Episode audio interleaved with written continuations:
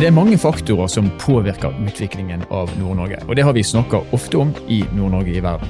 Vi påvirkes av eh, de store makrotrendene, vi påvirkes av kronekursen og en rekke andre faktorer. Men når det gjelder hvilken retning vi skal gå i, så er det få som påvirker oss mer enn de politikerne vi velger. Og I denne episoden så skal vi snakke om hvilken retning Senterpartiet ønsker å dra landet. Om hvordan vi vil, eller ville ha merka det dersom Senterpartiet skulle fortsette den fremmarsjen som de har hatt de siste par årene. Dette er Nord-Norge i verden. Mitt navn er Stein Vidar Loftaas.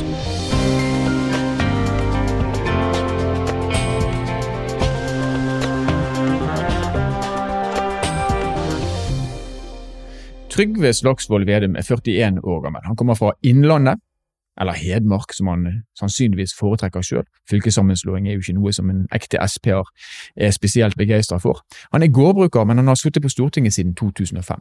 I 2014 ble han leder for Senterpartiet, og siden har partiet vokst og vokst og vokst og vokst. Og 2019 ble et brakvalg for Senterpartiet, spesielt i Nord-Norge. Og nå er vi svært glad for å ha deg med oss i Nord-Norge i verden. Velkommen, Trygve Slagsvold Vedum. Hyggelig å være her. Og Jeg lurer jo på om jeg eh, kanskje burde starte med å si gratulerer. Vi har en brexit som akkurat er ja, trådt i kraft. Hva tenker du om det? Jeg synes jo det er, eh, det er en historisk dag. Og så er det som er viktig, ja, når det var den store avstemninga i Storbritannia, så er det jo ikke det Jeg skal jo være politiker i Norge, mm. men når eh, det britiske folket med over 17 millioner mennesker sa at de ønska liv, Eh, og at man skal ta tilbake med selvråderett mm. over, over britisk politikk. Så jeg syns det er bra at når, når det har hatt en folkeavstemning, at folkeviljen blir eh, fulgt. Og så håper jeg at det blir litt roligere ordbruk eh, i åra som kommer, enn det som har vært bakover, f.eks. Så, mm. så har jo, sa jo Donald Tusk, som var en av EUs mest sentrale ledere, at han mente at det burde finnes en spesiell plass i helvete for, for de på brexit-siden som ikke hadde en god nok plan. Så det har vært litt sånne ordbruk som ja. kanskje ikke bare har vært klok. Da. Så jeg håper det roer seg litt ned, for vi har alt å tjene på godt samarbeid mellom land. Ja. Så det, det, blir spennende å se. Men jeg tror for Norge kan det her også gi store muligheter. Jeg tror også de kan lære, altså jeg tror Storbritannia kommer til å være svært opptatt av f.eks. hvordan norsk fiskeriforvaltning har fungert. Ja. Men nå, nå, nå, er vi akkurat i begynnelsen av 2020, og 2019 var jo, et, eh, var jo en parademarsj for Senterpartiet som kulminerte med nærmest tidenes valg. Og Så ser vi denne uken, eh, og det var vel en eh, meningsmåling i Vårt Land, tror jeg, at Sp plutselig dipper veldig ned igjen. Hva tror du er grunnen til det? Nei, altså, så Målinger vil være litt forskjellige. altså den uka her så har vi hatt to-tre målinger. Én på 16,6 og to på 12,8 rundt 12,8. 12,8 er jo veldig god måling for Senterpartiet hvis du ser over historisk tid. For, fortsatt så er det 2,5 prosentpoeng høyere enn det som var i 2017, som var et av de beste stortingsvalgresultatene vi har gjort mm. uh, i, i, 2017.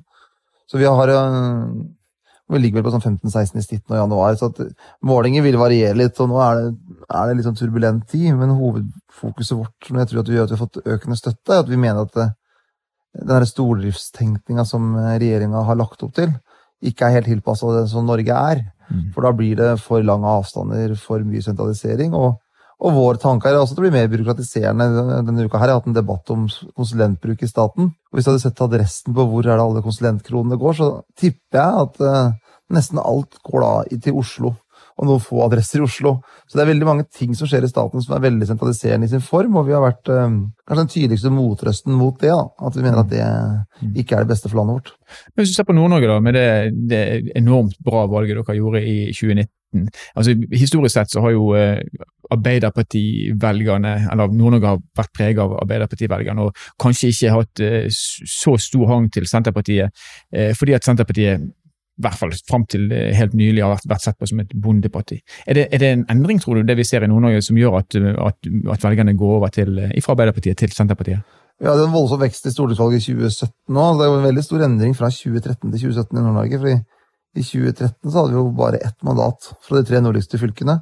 Og det var et utjevningsmandat fra Nordland. Eh, og nå i 2017 så fikk vi mandat i alle fylker, og to faste mandater fra, fra Nordland. Så det, så det, var, det, er en stor endring, men så fortsatte vi å vokse i 2019. Og vi har også fått mye, mm. mye flere medlemmer og lokallag overalt, egentlig. Altså i de tre nordligste fylkene. Og jeg har jo brukt veldig mye tid på det sjøl. Det veldig lærerikt, for jeg har møtt mye folk mm. når jeg starta lokallag. Nei, jeg tror det er en eh, altså, det, altså, Politiske partier er jo bare verktøy. altså Politiske partier er ikke et uh, mål i seg sjøl. Og, og, mange har sendt på Senterpartiet det tydeligste verktøyet. For eksempel uh, ja, ta tvangssammenslåing av Finnmark-Troms. Ta eh, typisk kanskje mer sånn eh, Nordland-problemstilling i kraftpolitikken, der vi har vært den tydeligste røsten på at det er viktig å ha en lav kraftpris for å eh, sikre en kraftkrevende industri, eller en diskusjon om kortbanenettet, der vi har vært det eneste partiet som har vært imot en del av de avgiftsøkningene som har ramma eh, små, småflyplassene eh, etter hele kysten, som de er helt avhengig av. Uh, og vi har turt å liksom ha et andre standpunkt i også andre avgiftspolitiske spørsmål, som spesielt har ramma Nord-Norge. og egentlig Der det er store avstander, da, og det er jo store deler av Norge, så er det store avstander. Så, og da um, ser folk på oss som et verktøy. og det er jo et, det som er litt sånn skummelt for ethvert parti, å tenke at har noe som en selvfølge. for Hele poenget med politikken er jo å prøve å gjøre livet til folk bedre. Mm. Og så mener jo vi da at mye av de reformene som regjeringen har gjort, har gjort ting litt verre. For eksempel da, for å ta et sånn uh, nordnorsk, vestnorsk uh, eksempel. da, At uh, avgiftspolitikken på fly har gjort at det har blitt færre ruter på Widerøe. Altså, og da har ting gått gæren vei istedenfor riktig vei. Og, og det er jo alle sånne store og små saker i sum som gjør om partiet får støtte eller ikke. Ja. Men hvis du, hvis du, ser på det som har skjedd den siste uken, la oss si at den eh, tendensen, hvis man kan kalle det for det, eh, med at Senterpartiet synker litt, grann, parallelt med at Frp har gått ut av regjering. Eh, noen sier jo at det her er det, de som protesterer på ting, de har liksom fått, fått to å velge mellom nå. Er det vanskeligere å, å, drive et politisk parti når folk blir så saksopptatte som de er. Altså, Man har ikke lenger en slags tilhørighet til en politisk ideologi, men bare til sak. Altså, folk, jeg, jeg opplever at folk er veldig opptatt av helheten når jeg er ute og reiser. Altså, for jeg, jeg, har jo det jeg kaller kaffekoppstrategien. Altså, det, det, er egentlig bare at jeg reiser rundt og prater med folk. Da. Og og folk er opptatt av det. er en veldig trivelig strategi, egentlig. For da får du møtt mye bra folk. Så kan det være en strategi å reise kaffe og drikke kaffe. Helt genialt, egentlig. Så det begynte jeg med i 2014. Jeg lurte på om jeg skulle lansere kaffekopp og, kaffekopp og bløtkake, men jeg tenkte at, da tenkte jeg at da blir det litt vel tjukk. Så jeg får holde med kaffen. Men eh, nei, så at jeg opplever sånn for, for å ta liksom Når jeg er For å ta en av de liksom mest eh, eksotiske plassene. da, altså Minste samfunn som Værøy, eksempel. Mm. Altså, som ligger utenfor Bodø. Langt ute i havet. Eh, så det er der, så opplever jeg at folk er liksom Hadde åpent møte så er folk opptatt av veldig mange forskjellige ting. da. Så er det selvfølgelig enkeltsaker som mobiliserer. altså Da var det mye ferja-kaia og ja. alt det med ferje som var veldig viktig. og, og sånn, men, altså, men så er det jo Jeg opplever egentlig at folk er ganske, ganske brede. Men så er det jo, jeg syns også det er litt bra altså, at, eh, at, ikke folk er så partilojale at man bare blir i et parti uansett hva han gjør, liksom. Mm. For det, det, er det som er litt sånn skummelt. og det, det er jeg veldig opptatt av at eh, mine folkevalgte og de som er aktive i partiet, at eh, husk liksom at det her er ikke noe sånn Politikken er ikke noe sysselsettingstiltak eller karrierevei eller sånn. Det er, er en, det er interessekamp. Altså mm. for ulike interesser. Altså, ta når man fikk differensiert arbeidsgiveravgift i sin tid. da. Det var jo kamp som gjorde at han fikk det. Eh, og veldig mye av det som er norsk distriktspolitikk, begynte egentlig med gjenoppbygging av Nord-Norge etter krigen. Altså Mange av de store nasjonale programmene på det, det eh, begynte egentlig med utforming av Nord-Norge. Og det var jo ikke fordi det var noe sånn spesielt morsomt, det var kamp. Mm. og, og sånn vil det også være framover. Og da, da, er det, da, er det, egentlig bra at partiet blir litt pressa, og det er bra for at Senterpartiet gjør òg. Men, men, hvis du ser på Nord-Norge, da, et skråblikk på Nord-Norge, hva, hva, vil Senterpartiet med Nord-Norge? Hvorfor skal den jevne nordlending tenke at Senterpartiet er mitt beste, mitt beste valg? Altså, Nord-Norge er ekstremt viktig for Norge som land. Altså, det, det, er jo det er stor stor ressursrikdom i Nord-Norge, og så ligger det strategisk veldig viktig til. Så, så, det er viktig for hele landet at vi har en positiv utvikling i Nord-Norge. Det er ikke bare viktig for de som bor i de ulike fylkene og de ulike stedene. Det er viktig for Norge som, som sted, og jeg tror det blir enda viktigere framover. Fordi at eh, sannsynligvis så blir det mer seiling etter kysten. Som gjør at det å ha bosetting også på mindre plasser skaper bedre beredskap, eh, bedre tilstedeværelse. Og så er det jo eh, utrolig viktig skal da folk kunne drive fiskeri, drive industri, drive med turisme drive med annen type verdiskapning, så må man også ha de grunnleggende offentlige tjenestene. Altså det må være trygg for at også politiet kommer på et mindre sted. Det bør være litt variert arbeidsmarked også i mindre kommuner. Og det er det som gjør at vi er så bekymra for at staten nå Hvis jeg ikke husker helt feil, så har det vært nedgang i statlige arbeidsplasser i 230 kommuner. 237 eh, kommuner har mista statlige arbeidsplasser fra 2016 til 2018. Og det, liksom, hver enkelt sånn uh, tap blir ofte ikke så stort oppslag, for det er sånn to-tre arbeidsplasser på Senja, så er det to-tre arbeidsplasser i Berlevåg, og så er det to-tre arbeidsplasser her og to-tre arbeidsplasser der. Og men i sum så betyr det enormt mye, for hvis du mister den type bredden i arbeidsmarkedet, så, så, er det vanskelig for familier å flytte dit.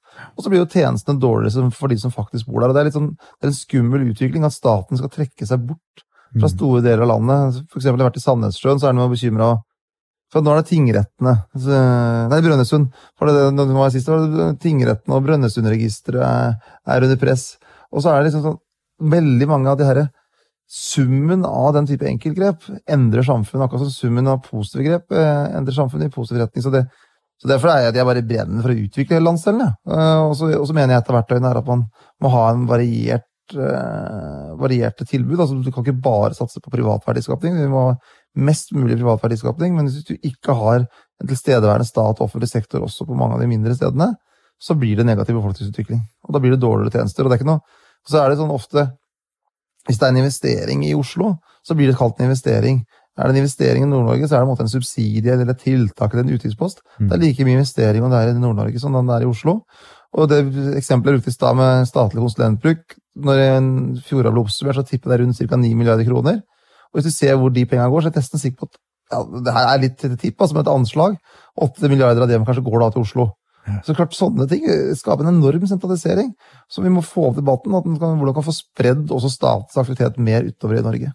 Nå er, nå er jo tilfellet som du òg er inne på, at vi, vi mister folk i Nord-Norge. Eh, altså Vi har en reell nedgang i, i, i befolkningstallene. Ja. Eh, og Samtidig så, så er, er dere sterke forkjempere for at folk fortsatt, altså hele landet skal tas i bruk, man skal kunne bo hvor man vil. Er det, eh, altså er det bærekraftig at man skal kunne eh, bo hvor man vil og ha de samme tilbudene helt uavhengig av hvor man velger å, å bosette seg i en så stor landsdel med så lite mennesker som Nord-Norge? Det er enormt bærekraftig. For hvis du Ta, ta det her i minste samfunnet. Da. Det var litt sånn tilfeldig at jeg begynte med Værøy i stad, men ta naboøya i Røst. da, For å ta et enda mindre samfunn. Altså, det er en enorm verdiskapning der. Mm. Og så er det viktig for Norge som land. Altså, er, altså, vi må ha noen visjoner for Norge òg. Det kan ikke være sånn at vi tenker på enhver tid hva er mest bedriftsøkonomisk lønnsomt. Det var ikke veldig bedriftsøkonomisk lønnsomt når man bygde ut kortbanenettet på 60-70-tallet, men man hadde en visjon for å bygge Norge. Mm. Og så nå i ettertid sier man at det er lønnsomt, fordi at, at det plutselig har kommet en oppdrettsnæring som skaper enorme verdier på mange plasser, kanskje en turistnæring som skaper enorme verdier. Men, men i utgangspunktet så tenkte vi skal bare forløse mulighetene i ulike landsdeler.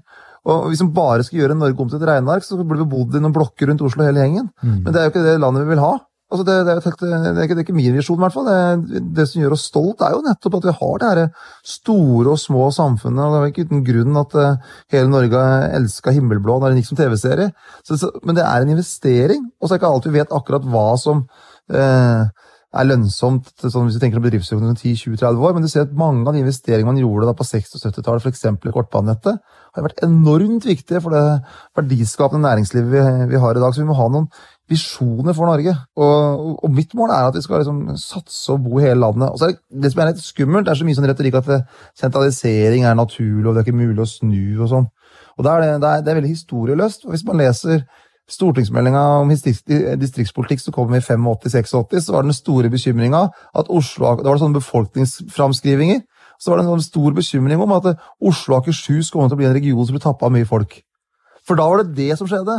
For da hadde man en politikk som var aktiv. Man hadde en helt annen kraft i distriktspolitikken. Mm. Som gjorde at Da var det vekst i andre deler av landet. Men så har man kutta ut veldig mye av det her kraftfulle virkebildet for å utvikle hele landet. Og da blir det sentralisering. Og det er fullt mulig å snu. Det er ingen land i verden som har større mulighet til det. Vi har stor, stor kraft. Eh, og vi i Norge som land har aldri vært rikere. Og det er altså eh, så lite penger som brukes på distriktspolitikken nå, har det aldri før vært brukt. Og det er mulig å snu det hvis, hvis den vil. Mm. Da, men da må jo eh, Stortinget tenke annerledes. Mm. Og, og, se på at nærheten er en styrke. Nærhet er ikke et problem. Hva er det første du ville gjort? La oss si at Sp hadde hatt fullstendig styring over Norge. Hva ville du gjort med Nord-Norge? Jeg har gjort veldig mye. Altså det første jeg skulle gjort på Brennkvikt, det var altså gjort noe med kortbanenettet. Fått ned kostnadene, fått opp realiteten. For det, det, brukes nesten ikke penger på det i hele tatt. vet du. Altså det blir sånn Når du snakker i offentlig debatt å det er så dyrt, det er så dyrt. Det brukes i fjor, hvis jeg husker feil, 720 millioner kroner på kortbanenettet. Og staten, Norge, brukte i fjor 680 millioner på de første elleve månedene på innkjøp av PR-tjenester og organisasjonsrådgivning. Altså bruker ca. likt på PR-tjenester, altså kommunikasjonsbyråer, eh, organisasjonsrådgivning for ledere i staten som bruker på hele kortbanenettet for, på å kjøpe fotruter. Så det er så mye vi kan ha gjort for små penger. Men det er sånn at hvis du skal bruke 50 millioner, eller 100 millioner eller 300 millioner på, på fly, for eksempel, da, så er det 'å oh, nei, huff, så dyrt det er'. Uh, så det er noe av det første vi har gjort. Bare altså fått ned prisene på kortbanenettet. Fått opp eh, bedre tilbud. Jeg skulle oppløst uh, Finnmark og Troms, for den tvangsbruken er, uh, er helt uforståelig. Vi måtte gjort noe med høyskoleutdannelsen i Nord-Norge, fått på plass flere steder der det var høyskoleutdannelse, og vi må styrke det lokale politiet. Jeg, jeg, jeg, er utålmodig for å komme i gang, for å si det sånn. Altså, det, det, det, er så, det er så fantastiske potensial i, i, i, i de tre nordligste fylkene. Og, og, men så når det kom de tallene før jul, at, at uh, ingen fylke hadde opplevd større befolkningsnedgang uh, enn det Nordland hadde opplevd på ett kvartal, da, som uh, det nye tallet fikk før jul, så må man ikke sånn Da må vi ikke sette oss og grave oss ned, liksom. Heller bare se hvilken enormt potensial det er der. Ja. Og satse. Men klart at hvis vi ikke gjør noe, så vil denne den utviklingen forsterke seg. Og hvis du, og hvis du legger ned tingretter, legger ned trafikkstasjoner, legger ned Høgskolen på Nesna, eh, gjør alle mulige sånne små og store grep, så, så, forsterker du selvfølgelig sentralisering. Og Hvis vi, vi ser for oss en utvikling av Nord-Norge, vi har en økonomi her oppe som er veldig hva skal jeg si, naturbasert eller råvarebasert. Eh, og, og, Hvis vi da har fokus på vekst, hvordan tenker du man skal ivareta vekst kontra vern? For det er jo selvfølgelig veldig sentralt i disse dager. Ja, Så er det veldig viktig å huske også, når man snakker om eh, hva skal vi leve av framover? Det er mm. også sånn diskusjon. Hva skal vi leve av framover? Det eneste verktøy man har egentlig for å tenke hva skal vi leve av framover, er altså, hva har vi levd av de siste tusen år? Og hva har vi levd av de siste tusen år i Norge? Jo, forvaltning av natur naturressurser. Og det er en langsiktig tanke om nasjonalt eierskap, lokal verdiskapning av naturressursene. Og det er det som har vært den store suksesshistorien vår på olje og gass, som har vært det store på fiskeri, eh, oppdrett, eh, nå på havvind, som kommer, som kommer som det neste. For eksempel, det er et kjempepotensial på havvind. I Storbritannia har de lagt store store planer på havvind. Men hvis vi skal ha en stor havvindsatsing i Norge, så må vi si at jo, vi skal ha store havvindparker ute i havet. Og Det har vi muligheten til å få til pga. at vi har en eh, tung offshoreindustri. Men så må det ligge forpliktelser også på at vi da skal ha verdiskapning på land. F.eks. store datasentre eh, som kan koble til havvindparker. F.eks. store batterifabrikker som er kobla til, til, store datasentre. Akkurat som vi har tenkt på olje- og gassindustrien. Skal de få tilgang på areal på land, eh, i havet, så må det være verdiskapning på, på fastlandet. Og det, det, der er et industrieventyr som er i startgropa, og det kommer til å være dårlig lønnsomhet i det i starten. Eh, på, på havvind. Men det er eh, akkurat som det var på landvind i starten i Danmark. Nå er det blitt stor lønnsomhet i landvind for f.eks. Danmark, som bygde opp den industrien. Eh, men den, den det er helt i startgropa når vi ser ikke minst hva som skjer nå på britisk sokkel. Så det er så mange muligheter hvis vi vil. Men det er et politisk spørsmål. Akkurat som man ville på 60- og 70-tallet, så ville man bygge opp olje- og gassindustrien. Og man gjorde det. Og nå er vi Vi er jo så heldige i Norge, da, for at vi har så enorme naturressurser. Og nå er vi jo, når det gjelder vind, så er vi jo et av de best rusta landene i hele verden pga. de vindforholdene vi har utenfor kysten vår. Og da kan du legge de havvindparkene langt ut, ikke synes. Og så har vi også en helt annen kunnskap hvordan man kan ha sameksistens mellom olje og gass, som det er nå, da, og fiskeri. Kan man også overføre den kunnskapen mellom sameksistens mellom eh, havvind og fiskeri. Så det er sånn vi går ikke, Norge går ikke sånn mørke tider i møte. altså Man slutter med det her Hver gang man snakker om klima og sånt i norsk offentlighet, så får man inntrykk av at det er dommedag. Altså, Vi er kanskje det landet i verden som er best rusta til å kunne skape industri, arbeidsplasser, mer verdiskaping med bakgrunn i det.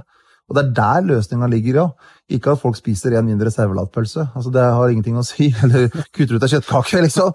Da, altså, det må gjerne folk gjøre det hvis de vil. Altså, det er sunt å spise fisk. Så, men altså, det er, ikke, det, er ikke det, som er, det er ikke det som er løsninga. Det er liksom at bare, hvis du, bare på havvind så kan Norge gjøre en forskjell, altså. Mm. Så det Men eh, nå skal vel eh, denne podkasten ikke blir altfor lang, så jeg skal vel ikke holde et helt industrielt foredrag. det er bra. Eh, SP og det nordnorske næringslivet, altså det er egentlig det jeg borer litt i nå. Eh, vi er råvarebasert, vi er naturbasert, vi er avhengig av et, et marked utenfor Norge osv. Hvordan vil SP påvirke det, norske, det, nordnorske næringslivet, tenker du? Ja, Det vil påvirke det veldig positivt. Eh, men ja, for det første så er det de flinke folka som gjør jobben. Uh, og så må vi uh, se på sånn vi må, Punkt én Sikre ordninger som differensiert arbeidsgiveravgift. Vi må se også på andre skatteregler.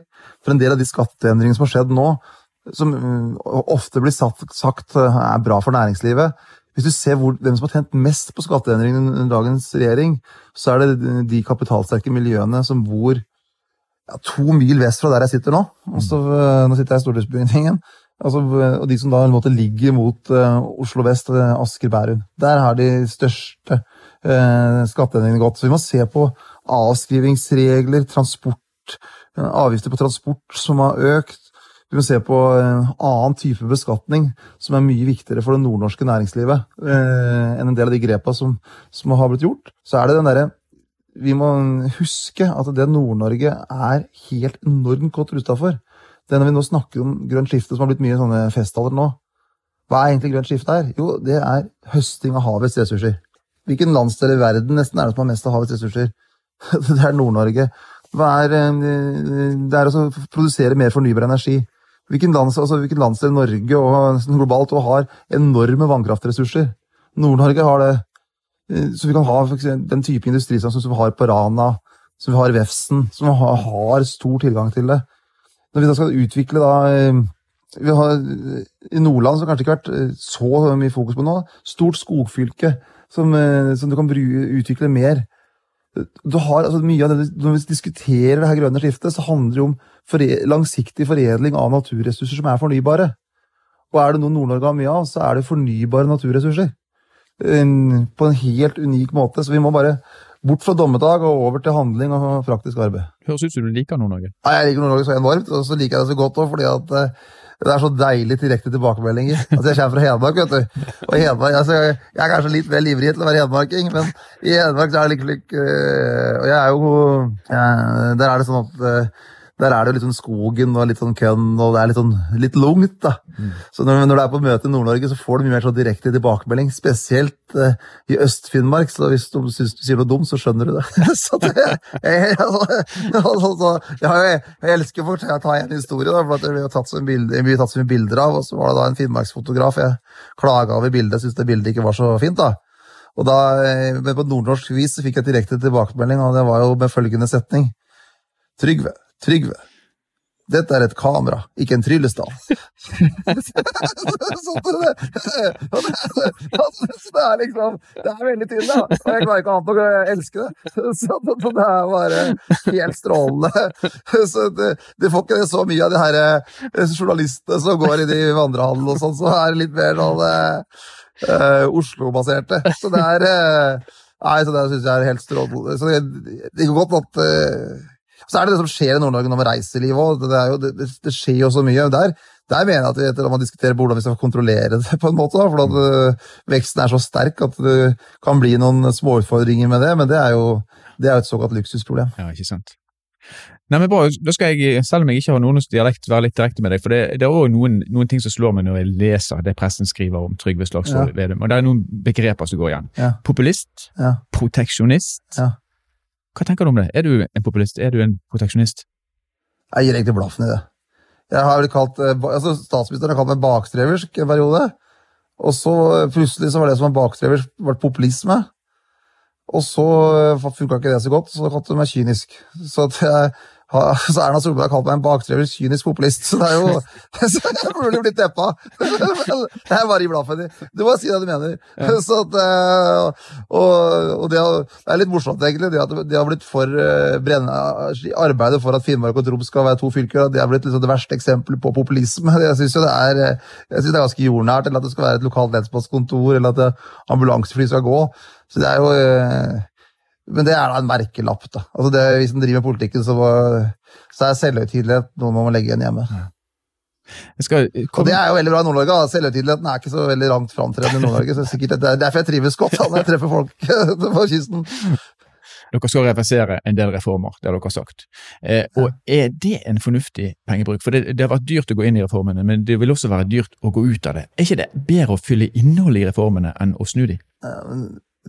Ja, for Det er jo litt, litt logikken at man har gjort noe idiotisk, da, så, som regjeringa har gjort.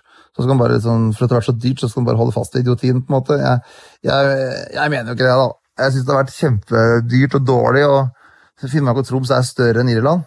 Og så husk at Finnmark er Det er veldig få folk som bor i Finnmark. Men det er strategisk ekstremt viktig for Norge som land. Det undervurderes så mye i den offentlige debatten. Altså, Ta Pasvik, da. Hvorfor ligger det en folkehøyskole i Pasvik? Det var jo ikke fordi at der var det den smarteste plassen å legge folkehøyskole, det, det var for å hevde norsk territorium. Hvorfor la man Svanhaug forskningsstasjon uh, i Pasvik? Jo, det var for at den skulle hevde norsk territorium. Hvorfor la man en kirke der? Det var for å synliggjøre at det, at det her var norsk areal. Og så kan man si, ja, Er det sånn type geopolitikk i dag? Jeg tror det blir enda viktigere. For nå er kinesiske interesser på vei inn i de nordnorske områdene på grunn av, eller havområdene utafor pga. mer åpne sjøforbindelser. Og vi ser at eh, Russland har stormaktsinteresser. Du ser at USA selvfølgelig har jo, de har jo eh, en supermaktsinteresser. Og klart da er det jo kjempeviktig at vi er til stede, har folk, og at vi ikke blir historieløse. Altså Vardøhus festning ble jo lagt der i sin tid, nettopp eh, for at man skulle vise at det var del av danskekongens territorium. Med de enorme naturressursene som ligger utafor kysten vår, og som er på land, så er det så viktig at det bor folk og er til stede. Og da bør ikke Norge som samfunn trekke seg ut av de områdene, og man bør heller satse mer. Og Derfor så mener jeg også at tvangssammenslåing av Finnmark og Troms eh, Selvfølgelig jeg handler ikke det om det, men jeg mener at den, eh, over tid så tror jeg det blir vanskeligere å ha en egen målretta finnmarkspolitikk. Før så hadde man jo ekstra barnetillegg i, altså i barnetrygden. Det fjerna dagens regjering, det tillegget i barnetrygden for mm. Finnmark og Nord-Troms. Man har egne skatteregler for Finnmark og, og Nord-Troms har en hel ekstra rekke tiltak for Finnmark og Nord-Troms. Og det er ikke fordi det er synd på noen eller at det er noe ille i Finnmark og Nord-Troms, det er fordi det er sabla viktig for Norge. Det er derfor man gjør det. Um, og og da tror jeg at det over tid er veldig lurt å ha en geografisk inndeling som gjør at man har Finnmark som et eget område. Og nå i første omgang, det neste slaget er jo om Finnmark skal bestå som en egen stortingsvalgkrets. Mm. Og det er veldig viktig at de gjør, for det er viktig at du også har stortingsrepresentanter som lever og bor. For eksempel sånn som Vi har da en stortingsrepresentant som Geir Iversen, bor i Hasvik på Sørøya. Og klart det er eh, veldig viktig at du har folk som måtte leve de hverdagsutfordringene når det gjelder eh, beredskap, når det gjelder flyforbindelser, når det gjelder ferje. Og du får inn de dimensjonene inn i stortingsdebatten. Sist gang, Vi har hatt en firepartiregjering før. Sp, Venstre, KrF, Høyre. Da hadde dere til og med statsministeren. Nå er det en ledig posisjon der. Hvorfor velger dere å holde dere på rød-grønn side og ikke gå inn i en koalisjon med, med de som kanskje historisk sett har ligget dere nærmere? Ja, vi ønsker jo Senterpartiet, Ap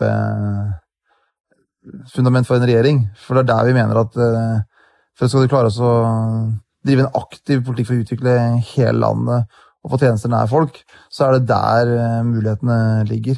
Så Det, og det mener jeg at det, den kursen som Erna Solberg har valgt for Høyre, med Frp da, som først som regjeringsparti og nå som støtteparti, har vist at det er ikke god medisin for, uh, for å utvikle hele landet. Så det er en helt sånn praktisk tilnærming til at vi mener at det er mest mulighet til å få gjennomslag for våre verdier med et, i et Senterparti-Ap-samarbeid. Tusen takk skal du ha, Trygve Slagsvold Vedum. Takk for det. Ha det fint, da. Takk og ha det bra. Lykke til. Så Senterpartiet har altså en, en ganske klar plan med hva de vil med Nord-Norge. Trygve Slagsvold Vedum hørte vi der, altså. Og Vi skal fortsette vår lille politiske rundreise for å høre hva de forskjellige partiene har slags plan med Nord-Norge, og hvordan politikken deres kommer til å påvirke Nord-Norge, da også økonomisk. Og I neste episode så skal vi få høre hva planer Høyre har med Nord-Norge. Nord-Norge i verden er produsert av Sparebank1 Nord-Norge i samarbeid med Helt digital. Musikken du har hørt, er laget av Emil Karlsen, og mitt navn er Stein Vidar Loftaas. Vi høres igjen i neste episode, gjør vi ikke det?